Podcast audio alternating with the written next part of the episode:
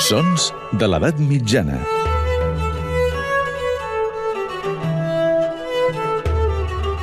Amb Maria Montes.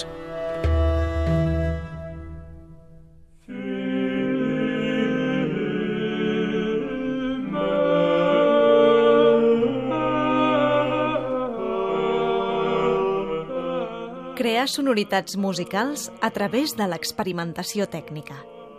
Ampliar les fronteres de l'univers sonor conegut. Amb aquestes expressions podríem referir-nos a alguns moviments creatius actuals o d'altres que van poblar, per exemple, al segle XX.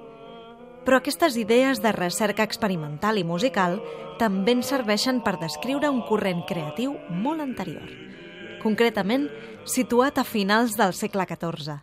Es tracta de l'art subtilior. L'Ars Nova havia sorgit en les primeres dècades del 1300 i havia aportat, entre d'altres coses, una manera d'escriure el ritme molt més acurada, unes formes musicals definides i la reafirmació de l'escriptura per a tres i quatre veus. Va ser dins d'aquest estil que compositors com Philippus de Caserta, Bot Cordier i Johannes Chiconia van voler estirar els límits de la seva música per comprovar fins on podien arribar. D'aquesta manera, van recórrer les formes existents, balades, rondors, viralais, motets i madrigals, però també van jugar amb intervals, ritmes, combinacions experimentals i van crear peces complexes i ben difícils d'interpretar.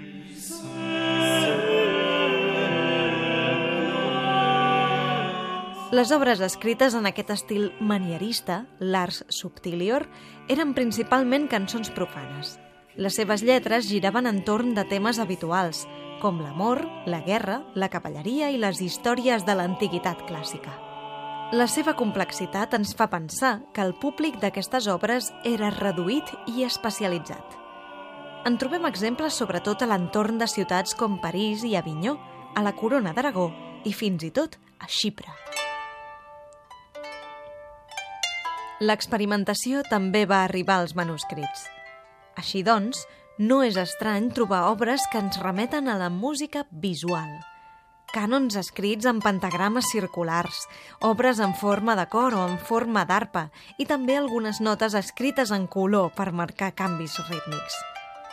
Un dels manuscrits principals on es conserven obres de l'art subtilior és l'anomenat Còdex Chantilly, que inclou 112 peces i es conserva al Museu Condé de Chantilly, a França.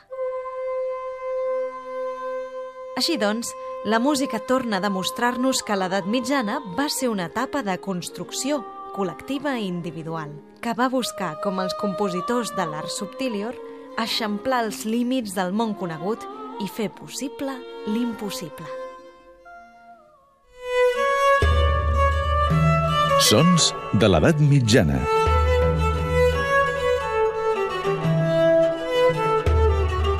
Amb Maria Montes.